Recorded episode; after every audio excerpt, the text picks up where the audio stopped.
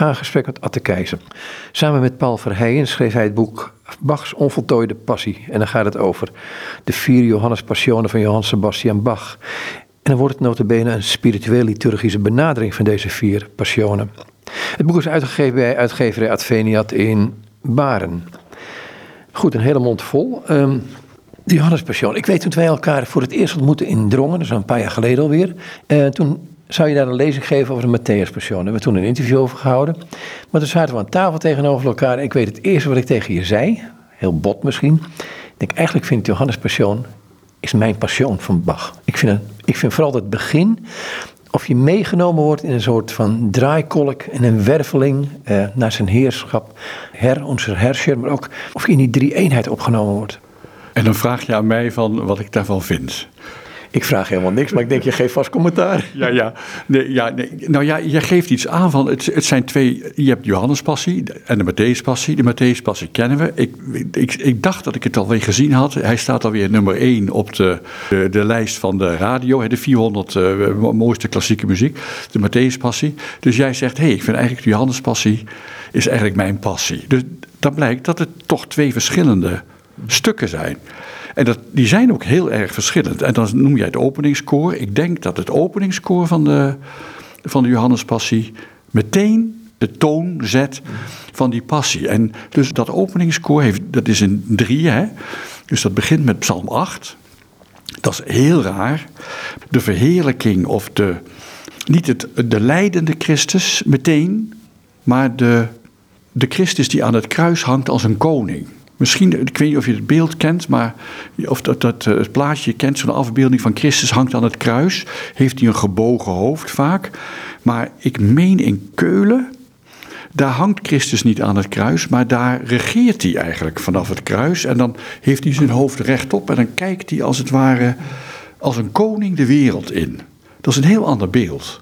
En eigenlijk is dat het beeld wat bij de Johannespassie hoort. Als het gaat over de leidende Christus, is het ook natuurlijk leidende Christus, maar het is een Christus die verheerlijkt wordt, is door aan, aan het kruis. En daar begint dan, Heer onze Heer, hoe machtig is uw naam, alle wegen op aarde. Nou, dat, is, dat lijkt op Pasen, is het ook. Maar daar begint de passie mee op Goede Vrijdag. En dat heb je dan drie delen, dus dat stukje Psalm 8. En dan komt er in het midden staat er zo'n zin, wordt er zo'n zin gezongen. Zeig ons door deine passion, dus laat ons zien door jouw passie, door jouw lijden aan ons, hoe verheerlijkt jij bent of wordt. Kijk, en dat is interessant. Dus daar geeft dus de openingskoor geeft een richting aan van hoe wij dat zouden moeten denken. Ik, ik, ik beaam dat, omdat de, openingskoor is een soort lijn uitzetten van wat gaan we nou doen. En het, heeft, het zegt ook tegen jou en tegen mij, of wij vragen eigenlijk aan die passie, of aan zeig ons door deine passion, deine passion. Wij vragen aan Jezus, laat ons zien, maak ons duidelijk dat het kwartje valt, innerlijk, dat jouw lijden niet het einde is, of, of zoiets niet, maar dat het een manier is om, om jouw koningschap als het ware neer te zetten. En dat doet het Johannes-evangelie. Dat maakt het uniek. Maar dat is puur inhoud. Dus de muziek is ook al interessant en ook verschillend. Maar hier zet, hier zet je meteen, hier heeft Bach meteen de muziek gezet op een tekst. Heeft, heeft ruimte gegeven aan een tekst die ons ongelooflijk aan het denken zet. Is dat het, het, startpunt voor jou geweest om dit boek te schrijven? Want kijk, het boek heet ook um, Bachs onvoltooide passie. Waarom een onvoltooide passie? Um, je vraagt eigenlijk twee dingen. Eerst die, waarom onvoltooid die titel, hè? onvoltooide passie. Maar ook uh, wat is de reden om er weer bezig te zijn, zei jij. Dat komt omdat ik, omdat die twee passies, ja oorspronkelijk niet. Oh, ik ben met de Matthäus-passie begonnen, heel lang geleden. En toen, toen dat boek klaar, was, dacht ik, nou ja, dat moet ook die Johannes-passie. Moet ook, want zijn, dat zijn de twee grote passionen hè, van Bach. Dat, is, dat is niet, vond ik niet zo gek. Maar ik was er al heel lang mee bezig. Maar dat is, niet, dat is dus eigenlijk omdat ze in elkaar samenhangen. En, en die liturgische benadering, die spirituele liturgische benadering die ik dan voorsta, die was er nog niet. En dat, dat, dat was eigenlijk de reden. En de reden was dat het, het was er niet omdat wat ik dus meemaakte in mijn uh, met contacten met mensen, als ik daarover sprak en uh, colleges gaf of lezingen hield, dat die manier van kijken, daar werd min, een beetje minachtend over gedaan. Dus ik dacht, ik wil een soort rehabilitatie maken van. Zo kun je dus naar Bach kijken en hem ook recht doen, vond ik. Vind ik dat vind ik dus nu. Aan het begin wist ik dat helemaal niet. Dat is een proces van 30 jaar. Hè? Maar dus, dat is eigenlijk de reden. En de titel heeft te maken dat, dat Bach er nog niet mee klaar Bach was er nog niet mee klaar. Dus hij heeft van de Matthäus-passie één versie, zeg maar, eentje. Maar bij de Johannespassie daar hebben we vier versies van. En een half nog niet eens, tien van de zestig uh, nummertjes, tien nummertjes in een onafgemaakte partituur. Dus hij is daar, als hij nog langer de, tijd had gehad, was er ook een vijfde Johannespassie geweest. Hij ging daar alsmaar mee aan het werk. En die vier passies zijn heel verschillend, maar Bach was daar nog mee bezig. Wij denken, oh, de Johannespassie. Ben gek, dat was het. Dat is helemaal niet zo. Dus als hij nog tien jaar de tijd had gehad, en dan was weer om de zoveel tijd was de Johannespassie weer aan de beurt in Leipzig. Dus Matthäus Passie hadden ook van hem en van anderen. Maar dan maakte die weer een nieuwe versie op basis van de oude. Zo, zou zo contingent is, zo toevallig gaat het allemaal. Dus dat is, dat is de betekenis van onvoltooid. Dat je kan denken, wat mooi dat het onaf is zou, is dat, is, geeft, dat is ook iets van het is nooit af eigenlijk. Vind ik ook wel iets om over na te denken. Want wanneer is het klaar? Wanneer is het af? Het is nooit af. Blijft altijd, geeft altijd te denken, te mediteren, te overwegen. En dat, dat laat Bach zien. Die confrontatie wat je het net over had, hè, op, de, op de universiteit, op de, op de, de lessen die je gaf, uh, doseren. Um, die minachting die je leek te zijn, um, waarom was dat? Nou, die minachting zat hem eigenlijk in de, zeg maar, de gangbare opvatting. De gangbare opvatting van, Bach was dat die teksten van Bach in een soort, en dan kreeg je dan in de pietistische hoek zaten. Maar dan pietistisch, dat is op zich, dat is een, dat is een bijvoeglijk naamwoord. Hè? maar dan kun je het uitspreken op een bepaalde manier. En als je, uit, als je dan zegt, Bach zit in de pietistische pietistische hoek, dan hoor je al, oh, dat is niet goed. Er is iets mee. Nou, die, dat pietisme heeft met spiritualiteit te maken. En dat is, dat is, dan zit je op het ervaringsveld. Nou, ervaring, het, het veld van de ervaring en de theologie, dat strijdt met elkaar. Want ja, ervaring, ervaring. Theologie, wetenschap, nadenken, eh, zo hè. En spiritualiteit heeft dat odium een beetje van, ja, dat is, ja, is eigenlijk, eigenlijk ja, minder. Op de een of andere manier. Terwijl je daar ook anders over zou kunnen denken. En dat heeft dat Titus Brandsma Instituut, waar ik toen werkte, en waar ik heel veel aan heb gehad, heeft dat bij mij wel teweeg gebracht. Dat ik denk, hé, hey, je kan ook op een wetenschappelijke manier nadenken over ervaring. Wat namelijk een ervaring, je maakt iets mee, oké. Heel veel mensen, dat is een grapje hoor, wat ik nou zeg. Heel veel mensen maken iets mee, maar ervaren niks. En dat bedoel, dat bedoel ik voor de grap. Hè. Ik maak van alles mee, maar ja, het bewustzijn. Wat maak je nou eigenlijk mee? Wat heb ik nou eigenlijk meegemaakt? Wat heb ik nou eigenlijk gehoord? Wat heb ik nou eigenlijk beleefd? Dat bewustzijn geeft inzicht. En dat inzicht geeft te denken. En denken is wetenschap. Snap je een beetje die lijn zo? Dus je kan, ervaring kan een hele goede kenvorm zijn. Daar word je wijs van. Heel veel mensen die hebben heel hard gestudeerd, een leven lang, maar wijs. Terwijl mensen die niks gestudeerd hebben, maar door ervaring heel wijs zijn geworden. Snap je? Dat is spannend. En dan, dan denk je, ja, die hebben niet gestudeerd, dus ze zijn, ja, ja, ja. Maar die zijn misschien heel wijs. Dus dat is een spanning, zeg maar. En die vind ik interessant.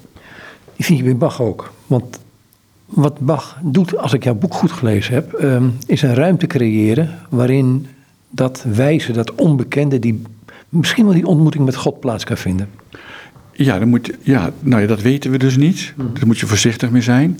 Maar voor Bach was God, die wij naar menselijke gewoonte God noemen, was voor hem een soort van zelfsprekendheid. Dus het, kwam ook niet bij hem op om te denken dat het niet zo zou zijn, maar wat het ook niet bij hem op wat het wel zo zou zijn. Dus je moet altijd uitkijken van wat, wat wij weten van Bach. We weten van heel weinig van Bach. Hè? Ook over zijn, wat er in zijn ziel afspeelde, weten we eigenlijk niet. Moet je kijken naar wat hij heeft opgeschreven. Wat gebeurt er nou bij Bach als hij begint te schrijven? En dat doet, doen anderen doen dat ook, maar dat is een soort van zelfsprekendheid. Leeg vel papier, linksboven, JJ staat er dan, in de partituur. En als het klaar is, zet hij gl, soli deo gloria. JJ betekent Jezu Juva en soli deo gloria is... Daartussenin zitten zijn stukken. En dan kun je zeggen, ja, dat is, dat is een ritueel, dat is... Uh, tuurlijk, dat is een ritueel. Maar hij beseft dat alles wat hij doet en alles wat hij begint, dat heeft hij gekregen. Dus dat interpreteer ik, maar het is een interpretatie van genade. En bij genade zeggen theologen, oh heerlijk, genade. Ik denk, ja, genade, dat is gewoon puur wat je krijgt. En Bach is zich dat bewust. Snap je? En dan zet hij aan het eind soli deo gloria. Dus dat is erkenning. Bach erkent niet alleen God, die hij helemaal niet kent. Niemand weet wie God is. Niemand heeft God ooit gezien. Maar de werking, God heeft blijkbaar een werking, heeft een impact op Bach. Enorm. Tot op de dag van vandaag hoor je die impact in zijn muziek. Daar, hij zich, daar is hij zich bewust van. Dus die erkenning wordt ook erkentelijkheid. Dus hartelijk dank, zegt Bach dan tegen ons lieve heer. Ja, tegen wie? En ik zeg dan uh, hartelijk dank, Bach. Maar daar zit dus, dus de, God heeft bij Bach, dat is een soort van zelfsprekendheid, maar dat zit, als, je, als wij daarover gaan nadenken, denken wij daar anders na, dan denk ik tenminste daar anders over na dan Bach erover nadenkt. En dat moet ook, want wij, zitten, wij leven twee even verder. Er zijn verschillende personen ook nog een keer. Nou is die ontmoeting daar. Um, ik, ik, ga even gewoon even in, in de grote lijn zitten nog. Um, God die wij, hè, eh, niemand heeft ooit God gezien. Alleen de enige geboren zoon die aan zijn boezem is. Uh, niet was, maar is. Um, dus Jezus Christus vormt daar een, een schakel tussen. En in dat kennen van God via Jezus Christus, laat ik het zo maar heel even kort door de bocht doen, zegt, zegt Bach onder andere wat ik hier lees van oké, um, het is niet alleen een stuk uh, evangelie wat gezongen wordt, maar er wordt ook een beroep op mij gedaan. Ja, dat, ja. nou dat is dus spannend. Nou komen we dus op het vlak van de ervaring. Kijk, wat Bach doet in zijn passie, dat is dus en we zeggen dan Bachs Johannespassie, maar er zijn ook auteurs, hè, tekstauteurs, er zijn ook koraaldichters, er zijn ook koraalcomponisten. Dus, dus Bachs Johannespassion, maar we zeggen dan maar voor het gemak even Bach. Um, dus het gaat om mij. Je zegt van het heeft met, het met jou te maken. Hè? Heeft, dat, er, komt een, er, gaat een, er wordt een overstap of er komt een proces op gang of een dynamiek op gang tussen mij en die passie. Tussen mij en het evangelie. Tussen mij en God. Dat, dat gebeurt. Waarom gebeurt dat? Niet door de muziek. Dat bedoel ik, dat kan ook, maar daar, daar, weet ik, daar kun je niks over. Ja, hoe moet je dat over? Dat weet ik niet zo goed. Maar de structuur van de passie, dus een Johannespassie, is geen lijdensverhaal van Johannes, volgens Johannes. Maar het is een lijdensverhaal volgens Johannes door teksten op de een of andere manier in een bepaalde structuur gegoten, waardoor wij als luisteraar direct onmiddellijk, dus zonder middel. Je kan zeggen de tekst, maar oké, de tekst doet dat, de tekst doet dat onmiddellijk. Wij worden in dat lijdensverhaal getrokken door, door de meditaties en de overwegingen en de contemplaties, naar aanleiding van wat er in de tekst verteld wordt. En die teksten, de aria's en de ariosi en de koralen, die geven ons de mogelijkheid of niet alleen de, ruimte om ons een plekje te, onze plek te vinden in dat verhaal. Snap je wat ik bedoel?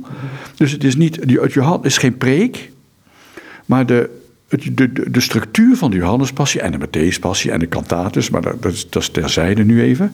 De Johannespassie is zo gemaakt dat wij als hoorder een plek krijgen in het verhaal. En die aria's, die, die, hebben die, die willen dat, die beogen dat. Het zijn geen toneelstukken. Het is niet Maria die dan zit te mediteren in een aria. Of, zit of Petrus die verzucht in een aria. Of niks ervan. Wij. Dus dat is een manier van kijken. Waar ook niet iedereen denkt: oh, dat is zo. Nee, heel veel mensen willen toch in een soort dramatische dramatisering van het, van het lijdensverhaal. die aria's koppelen aan figuren en, en, de recitatieve ook, aan de figuren in het lijdensverhaal. Maar dat doe ik dus niet, want het is liturgie. En, en dat maakt het nou juist uniek. En dat daarom is bij de, de, zo'n passie van Bach iets heel anders. Dat is een bepaald soort muziek, gemaakt als een rite voor de liturgie. En die kun je, die kun je dus zo bekijken. Hoeft niet, hoeft helemaal niet. Maar dat geeft het recht, mij het recht om, het, om daar zo naar te kijken. Betekent dus in een liturgie dat je, daar participeer je in. Precies. Terwijl het wordt tegenwoordig vaak opvoeringen, concertgebouw, ik noem maar wat. Hè? Kijk, dat is heel spannend. Je zegt participeren. Oeh man, nou, nou trek je een, een la open. Nu komt, trek je een, een ruimte open. Waar het hele het Vaticaans concilie uh, over heeft nagedacht, het ruzie gemaakt. En tot op de dag van vandaag denken we erover na. Wat is participeren nou? Dus je participeert aan het lijdensverhaal aan de passie, aan de Goede Vrijdag, liturgie. En daar is Bach, is daar een middel in om die participatie mogelijk te maken. En het woord wat daarbij hoort is actuosa. Actuosa is dat je werkzaam, de deelname is werkzaam. Dus horen is een, nee, dat, dan werkt het. Als je hoort, je moet, Maria is daar het, het grote voorbeeld van. Dus Maria kon horen zo dat de werking van het woord met een hoofdletter, wat dus niet is het woord met een kleine letter, daar begint het al, daar kunnen we al nu over praten. Maar Maria had de mogen, die had geen gehoorapparaat. Die zat, wij hebben allemaal gehoorapparaten. Waardoor je de ruis hoort, waardoor je niet wil horen wat je hoort, waardoor je wel wil horen wat je niet hoort, waardoor wij niet kunnen horen. Dat is het allermoeilijkste, ontvangen, waardoor het woord met een hoofdletter zijn werking kan doen. En die werking, dat is waar het om gaat. Mijn geschieden naar uw woord is dus niet van, dan ik ben uh, slaaf of zoiets, of, of knecht, ja, ook, maar in de goede zin. Het is gehoorzaam. Dus wij worden door deel te nemen aan als luisteraar en als zanger en als dirigent en als instrumentalist, ben je allemaal hoorder, ontvanger, gebeurt er iets met jou. Shahi heeft daar prachtig over nagedacht. Die was totaal verslag, een week lang. Die moest dirigeren en die, eh, terwijl, terwijl het helemaal niet moeilijk is, een Matthäus Passie dirigeren. Voor hem, helemaal niet. Het malig is veel ingewikkelder. En, maar hij was totaal verslag. Wat er, door wat er met hem gebeurde. Fiat, Miki, mij geschieden, dat, aan, wat, aan wat er met hem gebeurde. Dus een van de dingen die mij trof, en ik ga van hak op de tak een beetje, maar goed, ik denk dat we er wel komen. Um, is op een gegeven moment geef jij uh, het woordje waarheid, geef jij een, een Griekse nou, Griekse uitleg. Je gaat naar het Grieks toe van het woord waarheid. In relatie tot Jezus zelf. En ik, ik, ik heb dat gelezen. Ja, je kunt er uren over mediteren. Ook bij stil blijven staan. Ook verwonderd doorraken. Je bedoelt, wat is waarheid? Is Pilatus? Ja, allerlei, nou niet alleen Pilatus, mag je zo bij komen. Ook het, het woordje waarheid in het Grieks. Wat, wat een, eigenlijk een, een ontkennende uh, term is. Waarheid in het Grieks is, is een, bestaat uit twee delen. Onder andere vergeten, aletheia. Vergeten, A, het niet vergeten. En Jezus eh, schrijf je erin die dan ehm, zichtbaar maakt wie God is. Dat zichtbaar maken, dat, dat trof mij enorm. Nou ja, dus jij zei, je begon, altijd, je begon met je, via Jezus, hè?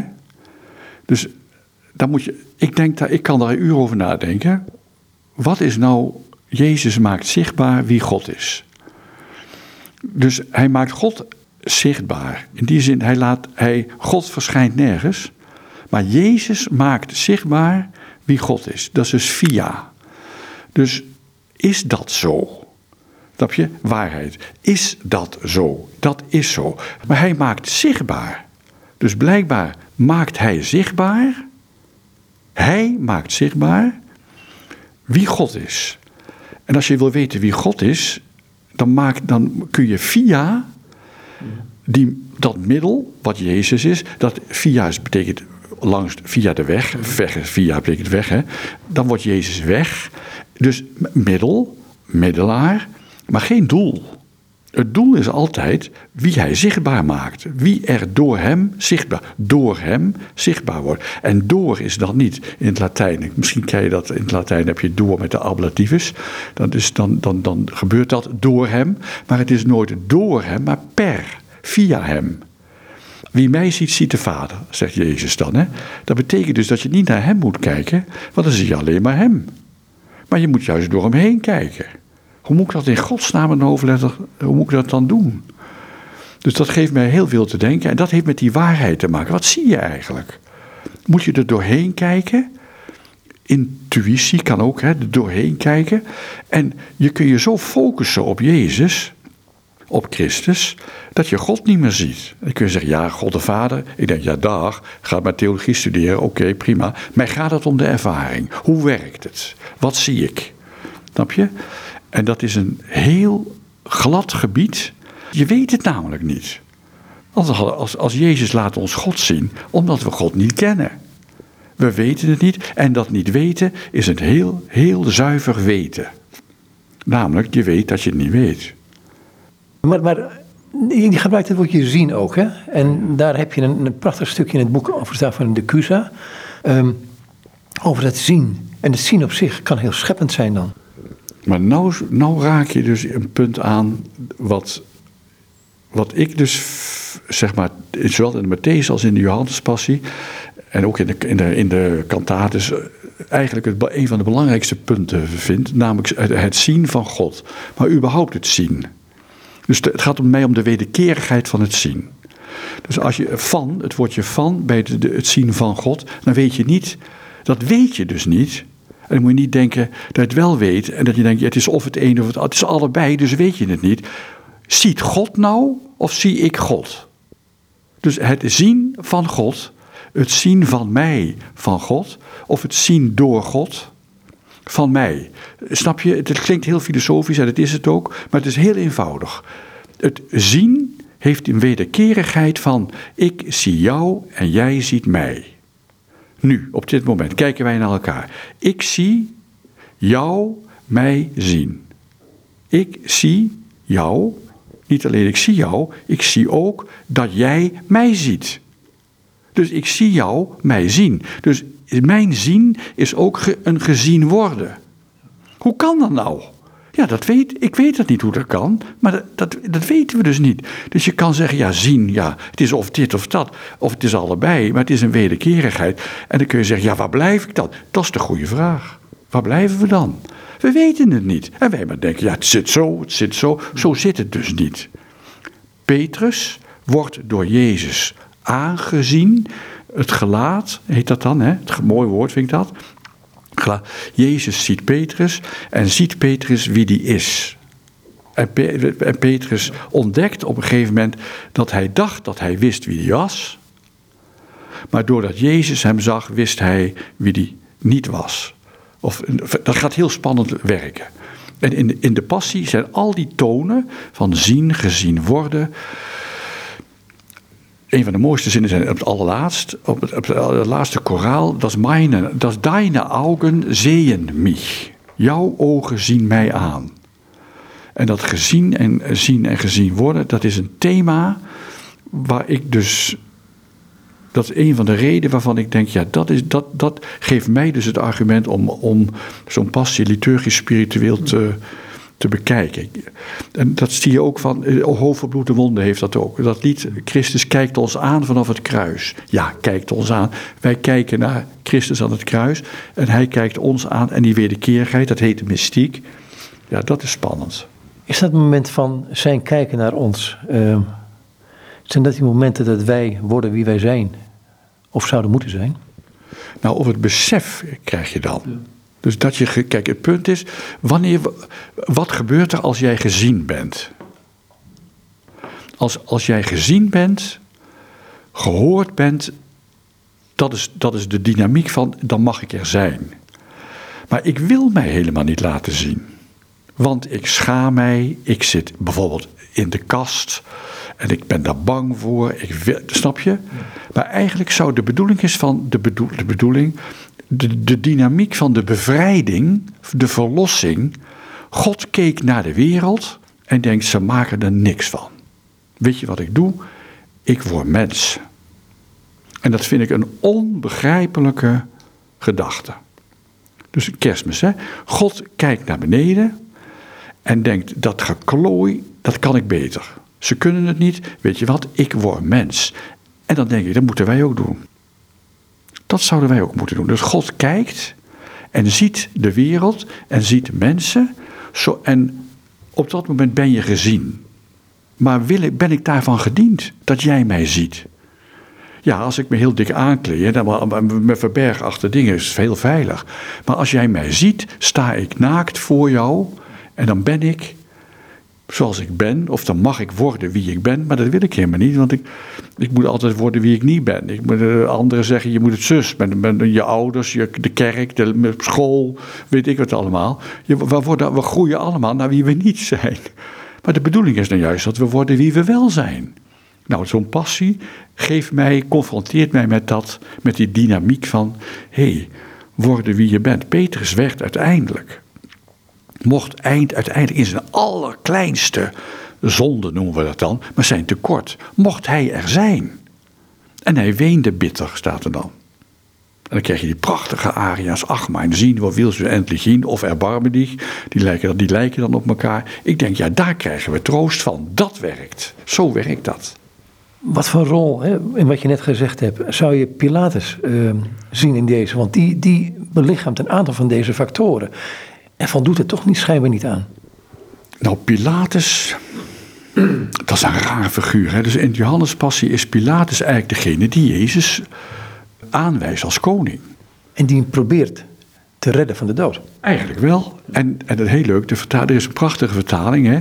Dus in de Pila als je het Johannes-evangelie, dan dat lijnsverhaal, gaat allemaal binnen en buiten. Binnen het paleis, buiten het paleis, de Joden, Pilatus weer naar binnen, praat met de Joden, Barabbas, gedoe, hè? heen en weer. En dan staat er op een gegeven moment, Pilatus leidt Jezus naar buiten en hij gaat op de troon zitten. Staat, het staat in de vertaling van de Willibrord-vertaling. Dat is goed, daar is niks mis mee. Maar je kan ook vertalen, kijk, en daar begint het, dat weet je dus niet. Je kan ook vertalen, Pilatus brengt Jezus naar buiten en laat hem op de troon zitten. En zegt, zie daar uw koning. En dan denk je, wat gebeurt. Dus de vertaling is om goed hoor. Dus niks geen verkeerds. Maar het kan ook anders. Maar dat anders, dat gaan mensen, dat doe je, dat als je een bepaald perspectief hebt, ga je dat niet doen. Maar heb je dat koningschap in je hoofd en die intronisatie met een purperen kroon en met een purper, mantel en met een doornenkroon en met een rietstok, dat zijn koninklijke attributen.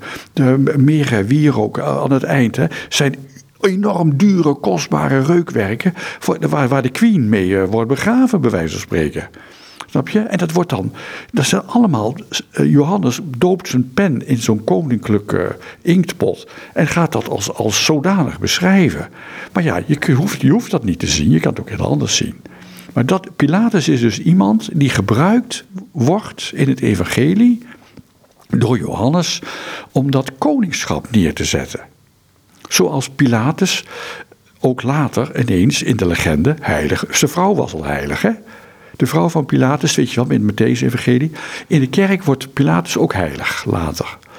Want die, die, die gaat zich bekeren natuurlijk. Krijg je prachtige, weet je wel, Quo achtige films. Pilatus bekeert zich en die krijgt ook een, een feestdag in de Oosterse kerk. Maar goed, die, die, die, die confrontatie die hij niet aankomt, is die vraag stellen van, ben je van God? He, die. Nou, het, was, het is een echte dialoog. Dus hoe kun je, ben je de zoon van God? En, wie, en Jezus zegt dan ja. En op de een of andere manier, weet je wel, geeft Pilatus Jezus de gelegenheid. En Bach maakt daar geweldige muziek van, ironie van boven tot onder. Omdat het namelijk, hoe kan Jezus nou koning zijn? Zegt Pilatus, jij kan toch geen koning zijn? En dan zegt Jezus, ja, ik ben een koning. Weet je wel, in Johannes-evangelie. En dat doet Bach in de laagste noot die die kan zijn. Dus wij zouden zeggen, ik ben een koning. En Bach laat Jezus zingen, ik ben een koning. Dat is, dat, de luisteraar wordt hiermee geconfronteerd met, kijk, zo'n koning is Jezus dus, nederigst dan nederig. Maar dat is een manier van hoe je, hoe je met die tekst omgaat. En dat werkt omdat wij weten hoe het afloopt. Als je het niet weet, dan weet je dan, dan oké, dan neem je kennis van. Maar als je weet hoe het afloopt, dan werkt het. Dat is met Petrus. Je hoort, je hoort Petrus liegen bij Bach. Ja, het evangelie ook, maar, dan, dan, maar, dan, maar Bach kan die met noten, kan hij dat, die Petrus neerzetten op een manier zo dat het werkt, omdat wij weten wat er met Petrus gaat gebeuren. Dus, maar Pilatus is dus een, in het evangelie, in het Johannes-evangelie, een hele belangrijke spil. Hij, hij komt ook voor in de geloofsbelijdenis. Moet ik altijd, heb ik altijd fascinerend gevonden. Die geleden heeft onder Pontius Pilatus. Ja, er, zijn, er is een moment dat hij antwoordt en er is een moment dat hij stil blijft, Jezus. Als, als Pilatus hem vraagt van, van waar ben je? Dan geeft Jezus hem geen antwoord. En later, ik heb, weet je niet dat ik macht heb jou te kruisen en macht heb jou vrij te laten. En dan antwoordt Jezus wel. Die stilte. O ja, ehm, ja, dus Jezus zwijgt. Hè? Maar je moet, we moeten als even, dus als je erover gaat nadenken, wat, hier, wat, wat betekent dat? Hè? Stilte is een ruimteuitsparing. Hè? Dus het iets niet doen, je doet namelijk een hoop wel, namelijk niet. En dat betekent dus altijd ruimte uitsparen. Dus een niet, niet is altijd ruimte uitsparen. Dus zwijgen, dan spaar je ruimte uit. Dat geeft een leeg gat. En Johannes schrijft het op. Dus de vraag is, waarom is Jezus stil? Je kunt ook de vraag stellen, waarom schrijft Johannes hier, waarom laat Johannes hier Jezus zwijgen? En ik denk om ruimte uit te sparen. Dat, dat is mijn, daar denk ik altijd over na. En die ruimte is dus niet ingevuld. Want dat, de, de bedoeling is dat wij als lezer horen dat Jezus niks zegt. En dan denk je, waarom zegt hij niks? Nou, dat, is een goede vraag. Dus elke vraag die je stelt aan een tekst is een goede vraag, want dat is een vraag. Dus, want, want ik zou meteen antwoorden. Ik ga toch niet iets niets, als iemand dat aan mij vraagt, dan denk ik, van waar ben jij? Dan, dan denk ik, ja, maar dat laat ik niet op. Dan ga ik, ga ik dus uitvoerig uitleggen waar ik, Jezus dus niet. Dus waarom, de vraag is belangrijker dan het antwoord, vind ik, in dit geval, omdat je het niet weet. De ruimte uitsparen van de nieting, van het praten, is Jezus zegt dus niks. En dan kun je zeggen, ja, hoezo zegt hij niks? Ja, dan ga je, dan ga je nadenken. Dan kun je denken, heeft Pilatus daar niks mee te maken? Weet Jezus het niet? Wilde hij het niet vertellen? Dat kan allemaal. Dus je moet nooit, ik denk altijd, ik moet altijd niet in de valkuil trappen van, oh, dat betekent dit. Ik denk, nou, het zou dit kunnen betekenen, zou dat kunnen betekenen. En de rijkdom van zo'n tekst is dat je lettertje voor lettertje en woordje voor woordje, het is geen krant die je leest en weggooit. Het is dus een, waar mensen 2000 jaar over hebben nagedacht, dat echter Jezus gaf hem geen antwoord is dus het, er wordt geen antwoord gegeven. En dan moeten wij niet doen alsof er wel een antwoord komt. Pilatus is geagiteerd, want hij is stadhouder, dus hij verwacht een antwoord. En hij krijgt het dus niet. En dan denk ik, stilte, daar ga je over stilte nadenken. Want dat vind ik dan, daar ga je dan na over nadenken. Hoe essentieel stilte is. Dus niet, niet in de zin van, uh, ik beroep mij op mijn zwijgrecht. kan je ook zeggen, hè? Kan ook. Maar ik denk ook, ja, dat kan ook. Maar het kan ook zijn dat je denkt van, ik heb zoveel macht dat alles wat ik zeg is getuigd van onmacht. Want macht geeft is ook mogelijkheid bieden. Hè? Dus Jezus biedt mogelijkheden door, door hier van zijn macht gebruik te maken. En ingrijpen. Waarom grijpt God niet? Hij is nog almachtig. Waarom grijpt hij niet in? Ik denk, ik grijp in. En alles, alle keren dat ik ingrijp, ik kijk naar mijn eigen kinderen, dat is altijd onmacht. Onmacht. En de echte macht is misschien dat je de mogelijkheid, macht mogen, mogen, mogen, mogen, dat je de mogelijkheid biedt. God is de mogelijkheidbieder. Degene die de mogelijkheid biedt, die mij het leven mogelijk maakt. Die geen macht over mij heeft, maar mij het leven mogelijk maakt. Jezus, Juva, Soli Deo Gloria, zit ik dan te mediteren. Is het dan die macht die hij daarna uitspreekt, die Pilatus de mogelijkheid geeft hem of te kruisigen of niet te kruisigen? Dat denk ik wel, ja. Dat doet hij ook niet, hè? Dus hij levert hem uit. Ja, dus Pilatus is een heel. Uh, Pilatus heeft Jezus niet uh, vermoord, zeg maar, of heeft, heeft het oordeel niet geveld. ja. Dus hij geeft hem ruimte. Eigenlijk wel, ja. Eigenlijk wel. Ja, en dat, zoals Johannes het vertelt, hè? Ja. En hij, krijgt, hij geeft hem ruimte om juist, om juist hem te erkennen, zeg maar. Nou heb je in het boek ook twee um, gebeden of gedichten of schrijfsels van Bonhoeffer opgenomen. Um, kun je gewoon lezen, eens kijken of daar wat uitkomt. Ja, ik zal je vertellen waarom. Even kijken. Kijk, ik vond dat het zo mooi is om elk nieuw hoofdstuk, zeg maar dit, in dit geval Jezus kruisiging, hoofdstuk 9. Dus die, al die fragmenten, dus die, dat heeft met de structuur van het boek te maken. Hè? Dus wij gaan, wij, mijn collega en, dus een vriend en zwager Paul, we hebben dat samen, uh, zeg maar, uh, zo, net als nu met deze passie ook zo gedaan. Dus die fragmenten waarin wij de passie verdelen, zijn onze, is onze structuur. En het is de structuur van de Lectio Divina. En de Lectio Divina is een manier van Bijbel lezen die gefaseerd is in, in, in, in een aantal momenten die op de een of andere manier helpen de lezer van het verhaal de vraag dus te kunnen laten beantwoorden: wat heb ik nou gehoord? Wat betekent het nou? Hoe reageer ik daarop? Kan, heb ik daar iets aan in mijn, op mijn levensweg als richting? Nou, Lectio Divina. En die, die teksten uit de spiritualiteit, die bij ieder hoofdstuk door ons geciteerd worden, geven dat motto aan. Maar dat is dus een manier van, hé, hey, zo zou je dus kunnen kijken. Iedere keer gaat het mij om die wederkerigheid. Ik zoek naar die teksten van mensen die die wederkerigheid, hier van het schouwen. Schouwen is zien, is gezien worden. Schouwen is het zien van God van Nicolas van Cusa, zeg maar. En dat weet je dan niet, want het is dubbel. Maar Bonhoeffer, die weet dat te vertellen. En dan weet je dus, ja, je weet gewoon ook niet, je weet, waar gaat het dan over? Dat is de vraag. Dus de ervaring speelt er mee. Wij kennen de lichamelijke dorst, kennen wij ook de dorst van de ziel naar God? Dat zijn hele rare vragen. Maar als je dat tot je door laat dringen en niet meteen denkt, wow, oude koek, of, of, maar gewoon de ervaring eronder leest. Iemand die zit in de gevangenis en, en, en, en Bonhoeffer zit in de gevangenis. Die wordt daar, die wordt daar vermoord. Die, die zit daar in, in, in, Nazi-Duitsland. Dus die denkt daarna. Wanneer zullen wij komen? En staat het aan het eind. En zijn aangezicht aanschouwen. Aangezicht, gelaat, aanschouwen.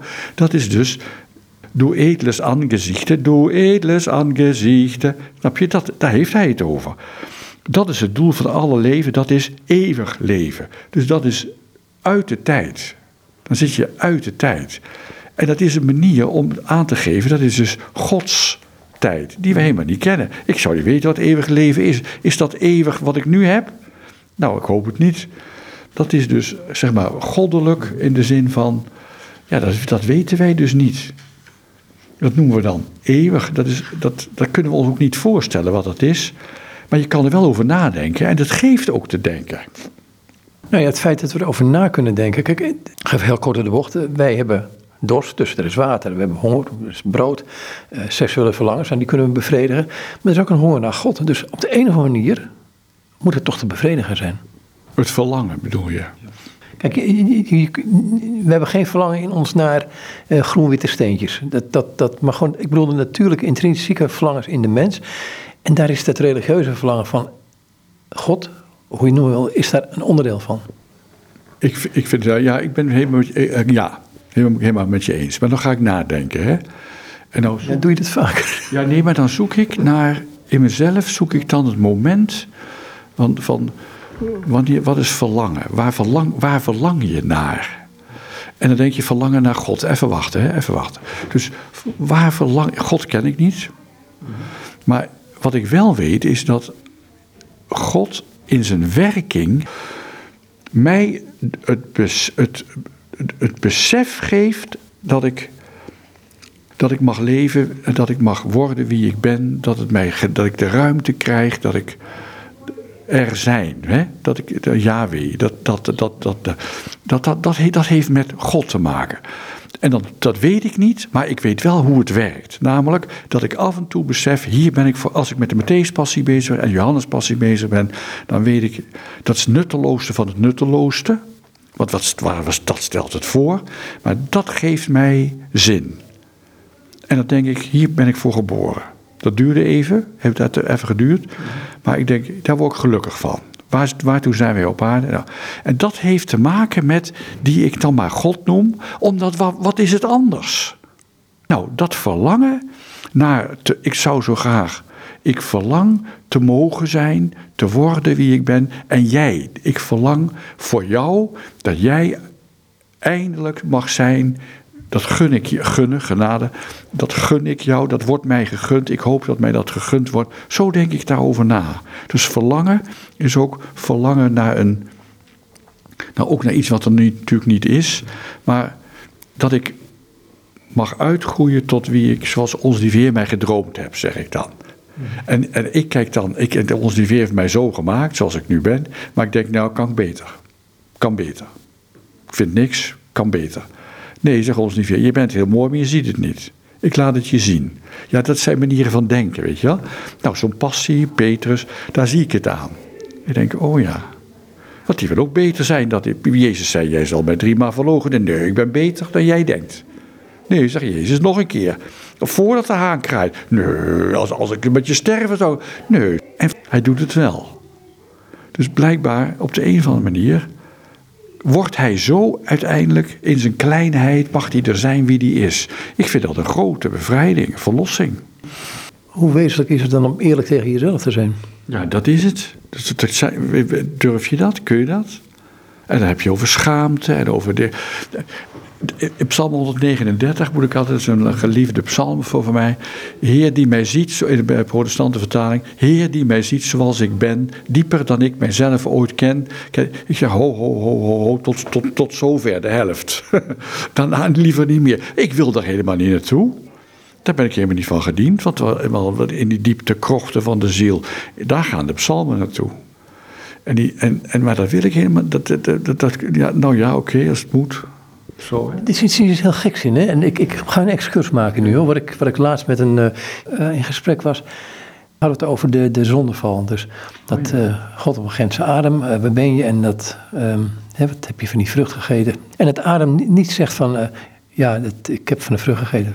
Sorry, ver, vergeef me. Nee, hij zegt: kijk, die vrouw die u mij gegeven hebt. Dus deze persoon die zei van ja, en ik zei van ja, dus, dus de schuld geven aan anderen, dat is daar zijn we sterk in. En die man die zei tegen mij, zeg maar, het gaat nog veel verder.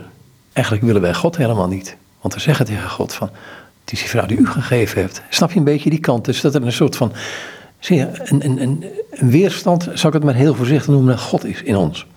Ja, ja, ja, ja. ja ik moet dan denken aan de, wat, wat Jeremia, hè, die dan zegt van, je hebt mij verleid en zo, hè. Dus wil, ik, wil, ik wilde het dus, ik ben daar niet van gediend. Elia wilde dood. Dus zo gauw als jij niet, niet van je stuk geraakt, zo gauw het niet ontzet raakt, hoef je niet bang te zijn, is God heel ver weg. Maar blijkbaar, waar God verschijnt, tussen aanhalingstekens, schudt de aarde. Dat is een beeld, hè? Dus ja, joh. het gebeurde bij de dood van Jezus. Nou ja, dat is het, dat is het beeld. Kijk, dus dat, dat verhaal zegt iets wat loeiwaar is. Dus 30 jaar later, 40 jaar later, 50 jaar later schrijven mensen op: Jezus sterft. En dan scheurt de aarde. Het voorhangsel gaat open. Dat zijn allemaal beelden om aan te geven wat daar nou gebeurt. Snap je? En dat komt omdat ze wisten wat, hoe de werking van, van dat. Want er werden zoveel mensen vermoord in die tijd, Jezus ook. En niet tussen twee kandelaars hoor, maar tussen twee moordenaars. Ook allemaal. En dat gebeurt, maar de, het, de werking daarvan was enorm. Maar hoe ga je dat nou opschrijven? Ga je dan niet opschrijven, hij sterft aan het kruis? Ja, kom nou. Dus dan ga je oud-testamentische beelden gebruiken. Dan ga je, je doopt je pen in een bepaalde manier van hoe je zou kunnen denken. En dan ook hoe je zou kunnen, hoe je zou kunnen begrijpen wat er gebeurt. Hoe, je, hoe het kwartje is gevallen. Nou, dan schrijf je dit op. Ja, ik vind het volkomen normaal, maar het is een manier van kijken. Kun je, snap je een beetje wat ik bedoel? Nou, misschien wordt het helder als je dit stukje van Nicolaas de Cuse toch voorleest. Wat anders, Heer, is uw zien, wanneer gij mij met liefdevol bezorgde blik aankijkt, dan dat gij door mij gezien wordt. Even stoppen, als het ingewikkeld hè. Dus wat anders is, eh, het is, wat is het anders? Jouw zien, uw zien, als je het voorleest, hoor je niet de W, hè? hoor je dat? Mhm. Wat anders, Heer, is uw zien, is uw zien, is uw zien. Hoor je dat hier, hier de lectio noemen we dat. Mhm. Dus wat je hoort en wat je leest totaal verschillend kan zijn. En wat het ook de bedoeling is. Ook de bedoeling is. Mhm. Wat anders, Heer, is jouw zien van mij dan dat jij door mij gezien wordt. Kun je het volgen nog? Dus hier heb je dus die wederkerigheid. Jouw zien van mij, is dat echt zoveel anders dan, dan dat jij door mij gezien wordt? Jou van mij, ik jou zien. Hoeveel is dat echt anders, zegt hij dan? Door mij aan te kijken, schenkt gij dat ik u zie. Doordat jij naar mij kijkt, lukt het mij om jou te zien. Niemand is in staat u te zien. Nou, hoe, hoe gek moet je zijn, hoe paradox moet je zijn? Tenzij in de mate dat gij ervoor zorgt, dat gij ervoor zorgt, dat gij gezien wordt. Uw gezien worden door ons is niets anders dan dat gij degene ziet die u ziet. Dus mijn, jou zien is niks anders dan ik jou, ik jou zien. Ik zie hoe, hoezeer gij, Heer, erop uit zijt uw gelaat te tonen aan allen die u zoeken. Hier heb je dat gelaat van, de, van al die koralen. Hè? Nooit wendt gij uw blik af. Dus hier heb je dat te zien. Hier gaat het om. Dit is volgens mij zo. waar het in alle relaties met mensen, betrekkingen omgaat. Dat, dat je.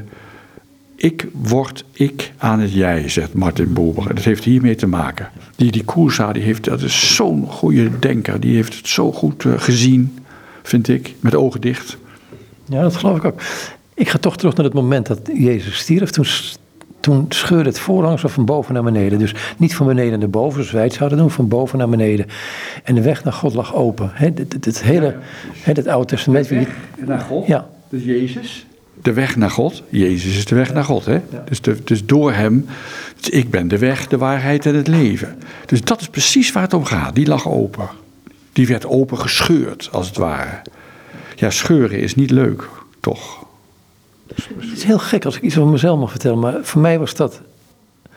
Uh, ik kom vanuit een niet-christelijke achtergrond.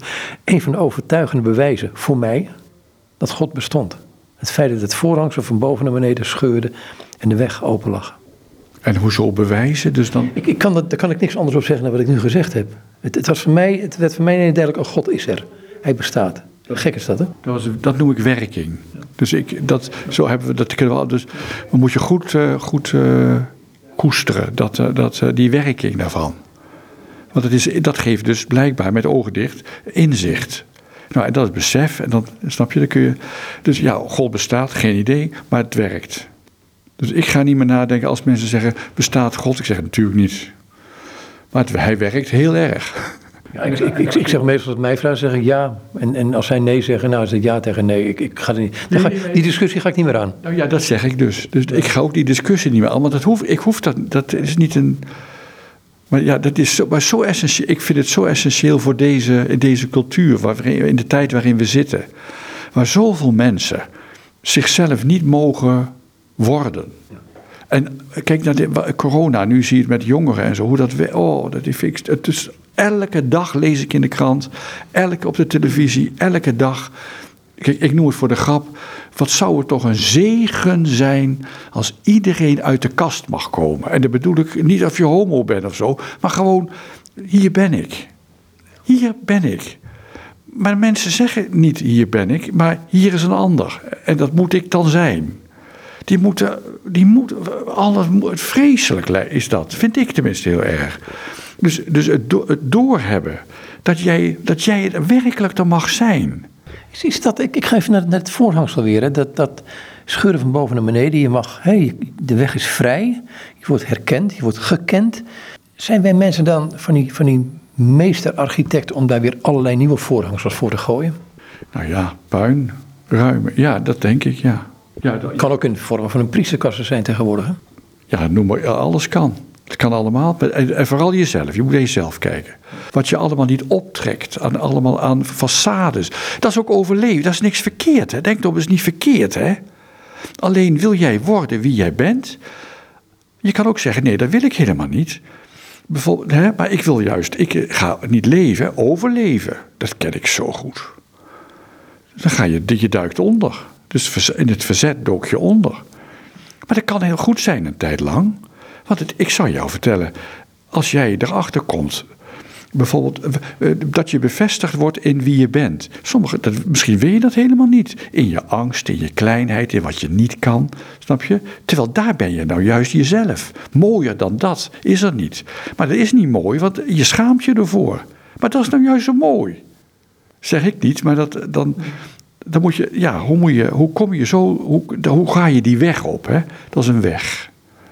Nou, dat is dus, ja, wat jij zegt, dat, dat, dat is, ja, die puin, het is allemaal opge... Ja, façades, fake, van me fake. Ja.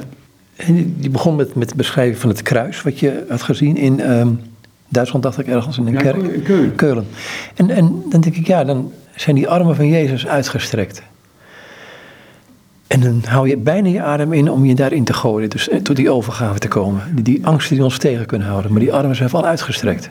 Ja, dat zijn dus die omarmen, die willen jou omarmen, maar jij zegt aan mij lijft geen Polonaise. Ik snap dat meteen. Maar snap je dus ook, dat staat ook, ik weet niet, staat dat in, is dat dus hier aan, met de armen aan het kruis, hè? Dus eh, hier in de Johannespassie zijn die armen met die kuikentjes en zo en dat die kuchlijn. Dat is hier, dat, met de, dat, is, je- dat is de omarming. Dat is een, hoe je het kunt zien, hè? Hoef je niet, maar zo zou je het kunnen zien. Als een omarming. Bach heeft, ehm, we hebben veel hier over de, de inhoudelijkheid gezegd. Eigenlijk meer dan niet alles. Ik denk een heleboel niet, denk ik. Maar goed, Bach heeft geput uit teksten die... Hij stond op de schouders van. Het was niet iets hè, zomaar, oké, hier komt Bach en hij doet iets nieuws. Maar hij is 18e eeuw, dus er waren al sowieso 18 eeuwen sinds de, de, de, de dood van Christus. Ehm, maar hij heeft dus op de schouders gestaan van... ehm, kun je een paar van die mensen noemen? Ja, dus het was Bach zijn opdracht in Leipzig een pas, passies, passies uitvoeren, uit te voeren. Hè? Uit te voeren in de liturgie op Goede Vrijdag. Uit te voeren. En hij maakte dus gebruik van anderen. Dus hij, hij, hij was al gepokt en gemazeld. Want hij, was al, hij kwam in Leipzig al, eh, had, had hij al heel veel andere baantjes gehad. Daar had hij ook al passies uitgevoerd. En ook gecomponeerd. Maar dat waren... Je, had, je hebt twee soorten passies bij Bach. Je hebt een passie die letterlijk het evangelie, eh, de, evangelietekst reciteert met inlassen van gedichten en koralen. Weet je, aria's, eh, recitatieve eh, koralen. Dat is echt, dat moest hij in Leipzig doen. En, daarvoor, en daar, daar, waren niet zoveel, daar waren niet zoveel passies van. Dus dat, was, dat, was, dat was eigenlijk een beetje traditioneel ook. Wat ze, waar Bach op steunde was, waren andere vormen van passies, parafrases van het lijdensverhaal zelf. Dus er werd het lijdensverhaal, het verhaal zelf in dichtvorm verteld. Niet de letterlijke bijbeltekst, maar eigenlijk een beetje een, een bewerking daarvan. En daar was Brokkes heel erg. Die, die, dat is een belangrijke, de belangrijkste, mooiste, beroemdste passie in die tijd was niet wat Bach deed met Johannes de tekst van het Johannes-evangelie. Maar dat was dat oratorium van Brokkes, de Brokkes-passion. Hendel, Telemann, hebben allemaal daar muziek op gemaakt. En die voerde Bach ook uit. En die was, weer, dat was die, die, tijd wereldberoemd, zeg maar. Maar dat was een parafrase van het verhaal. Die parafrase, die, heeft, eh, die hebben mensen in Bach's omgeving... en waarschijnlijk, we weten nu waarschijnlijk dat dat meneer Bierikman is geweest... En die die heeft die stukken uit die brokkes passie, de aria's na, bewerkt voor Bach's Johannespassie. Maar dat was dus een hele andere passie, maar hij steunde dus op die. Hij, niet, hij maakt geen, geen, zelf geen teksten, maar op die brokkespassie. En dan had hij ook versies, hij heeft dus versies gemaakt. En in de tweede versie van, van zijn Johannespassie, die echt heel anders is dan de eerste, niemand kent hem eigenlijk, het grootste werk van Bach ooit gemaakt in die tijd was de tweede versie van de Johannespassie. Matthäuspassie was er nog lang niet. Kwam pas later. Dat kent niemand. Dus dat is een, met een andere openingskoor, andere aria's. Ken jij hem? Nee, dus dat vonden wij, dat vond ik interessant. Hé, hey, hoe zit dat dan? En dan bleken er nog twee andere versies te komen, die waren minder niet zo belangrijk. Maar die tweede, daar zit dus, daar maakt Bach ook weer gebruik van teksten van anderen. Dus hij stoelt op op, op zeg maar mensen voor hem. En ze zeggen vaak dat Bach ook een beetje ouderwets was in zijn, in zijn, ja, in zijn manier van wat hij koos. Dat zal wel, dat, dat, dat, daar kan ik niet over oordelen. Maar wat hij ons dus heeft, heeft nagelaten is een hele precieze, uh, heel zorgvuldige behandeling, tekstbehandeling van het evangelie waar die hij met zijn muziek de ruimte geeft. En daarmee deed hij dus niet wat Brokkes deed. Dus hij nam daar afstand van. Moest hij misschien ook wel. En ook Picander, dat is zijn tekstdichter, die die, waar, waar hij veel mee gebruikte. Picander had zo'n Brokkes-passie gemaakt op het Matthäus-evangelie... wat eventueel een Matthäus-passie zou kunnen worden. Heeft Bach dus niet gedaan. Toen heeft hij waarschijnlijk de tweede Johannespassie gemaakt... om, die, om daar niet aan te hoeven. Ja, is interessant allemaal, hoor, maar ingewikkeld ook. Maar... Nou, je kunt eindelijk door blijven ja. studeren hierin. Nog, nog één vraag tot besluit. Um, als jij de Bijbel leest en je leest de passie. eh, hè, ik, ik, ik heb een bepaalde gedeelte uit het Evangelie van Johannes, maar ook uit Matthäus. Kun je dit zonder de muziek van Bach te horen lezen?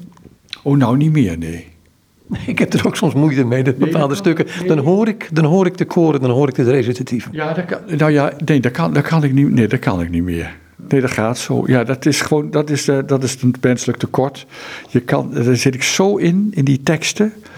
Dus ik hoor altijd, het, ja, ik hoor altijd het Duits. En de- dat komt ook, je denkt als je het zingt, hè, zo, zo'n, eh, dan duurt het allemaal veel langer. Maar dat is niet zo. Dat is niet zo. Als je het voorleest, het verhaal voorleest, niet als je het leest gewoon, dan, wordt het dat, dan kun je het nog lezen misschien. Maar als je het hoort in de kerk voorlezen, dan is het even net, dat is eigenlijk net zo snel als dat je het reciteert.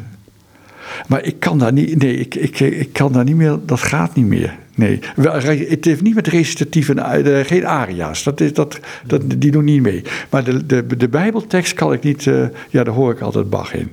Ik moest tentamen doen, ik wil, durf het nou eigenlijk wel te zeggen. Nieuw Testamentisch Grieks moesten we doen.